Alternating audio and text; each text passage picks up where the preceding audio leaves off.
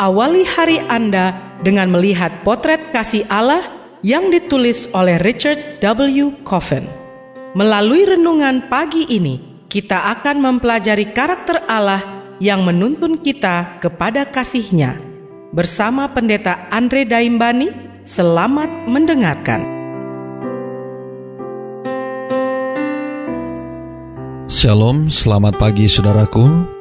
Renungan pagi kita hari ini 4 Juni berjudul Bulan Madu telah usai. Ayat intinya diambil dari Yeremia 2 ayat 2. Demikian firman Tuhan. Pergilah memberitahukan kepada penduduk Yerusalem dengan mengatakan, Beginilah firman Tuhan, Aku teringat kepada kasihmu pada masa mudamu, kepada cintamu pada waktu engkau menjadi pengantin. Bagaimana engkau mengikuti aku di padang gurun, di negeri yang tiada tetaburannya. Mari kita dengarkan penjelasannya. Allah mengalami pernikahan yang bermasalah dengan bangsa Israel. Mereka telah memasuki sebuah ikatan yang menggembirakan, tapi sekarang ada suatu masalah yang jelas-jelas dilakukan oleh satu pihak. Allah sebagai mempelai pria tidak bercela. Tetapi sekarang, apa yang tersisa bagi Allah hanyalah kenangan masa lalu. Aku teringat kepada cintamu pada waktu engkau menjadi pengantin, bagaimana engkau mengikuti aku di padang gurun. Ya, gurun Sinai adalah tempat yang aneh untuk berbulan madu, tetapi Allah mengenangnya dengan penuh kesedihan. Sungguh aneh bagaimana Allah memiliki kenangan manis saat pengembaraan di gurun, sementara tingkah laku pengantin barunya saat itu membuat Musa menggeram. Bahkan kamu menentang Tuhan sejak aku mengenal kamu. Sebagaimana dicatat dalam ulangan 9 ayat 24. Nampaknya Allah hanya mengenang saat-saat tertentu saja.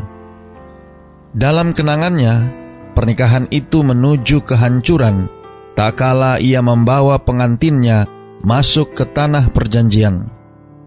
Aku telah membawa kamu ke tanah yang subur untuk menikmati buahnya dan segala yang baik daripadanya.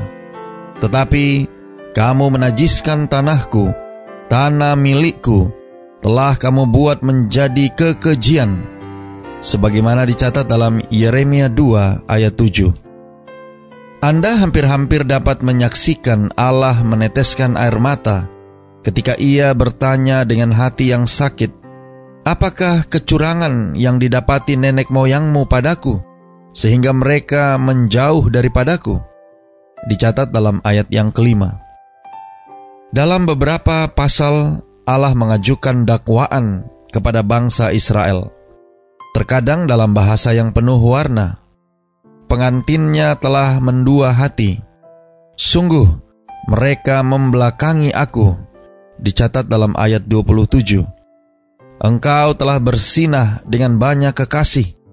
Yeremia 3 ayat 1. Dahimu adalah dahi perempuan sundal. Engkau tidak mengenal malu dicatat dalam ayat yang ketiga. Sudahkah aku menjadi padang gurun bagi Israel? Ia merenung. Situasinya begitu bobrok sampai pada titik di mana ia memberikan kepadanya surat cerai. Sebagaimana dicatat dalam Yeremia 3 ayat 8. Perceraian sepertinya sudah diputuskan tanpa ada kemungkinan rujuk kembali. Namun demikian, Allah menginginkan istrinya yang tidak setia itu kembali. Kembalilah hai Israel, perempuan murtad. Aku tidak akan murka untuk selama-lamanya. Dicatat dalam ayat yang ke-12. Tuhan beranggapan, pikirku sesudah melakukan semuanya ini, ia akan kembali kepadaku. Dicatat dalam ayat yang ketujuh tetapi ia tidak kembali. Ayat 7. Apa yang Allah harapkan tidak terjadi. Saudara-saudara yang kekasih di dalam Tuhan, pilihan kita akan membuat perbedaan. ketika kita menggunakan kebebasan yang diberikan Allah kepada kita, sebuah goresan ditambahkan ke atas kanvas, satu hal yang Allah pilih untuk menanggapinya. Doa kita hari ini. Bapa, terima kasih. Melalui renungan pagi ini, kami boleh belajar dari pengalaman bangsa Israel di dalam hubungan rohaninya dengan Tuhan. Terima kasih kami boleh mendapatkan satu gambaran melihat bagaimana begitu besarnya kasih Allah kepada bangsa Israel yang menunjukkan ketidaksetiaan kepada Tuhan. Tolong kami hari ini Bapa, biarlah dengan belajar dari kehidupan bangsa Israel kuno, kami boleh belajar untuk setia dalam iman kami kepada Tuhan. Terima kasih Bapa. Inilah doa dan permohonan kami kepadamu. Semoga Tuhan senantiasa memberkati kita sekalian sepanjang hari ini saat kita melakukan aktivitas kita masing-masing.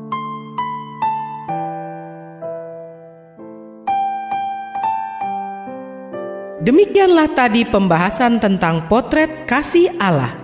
Semoga firman Tuhan hari ini dapat menjadi berkat bagi Anda.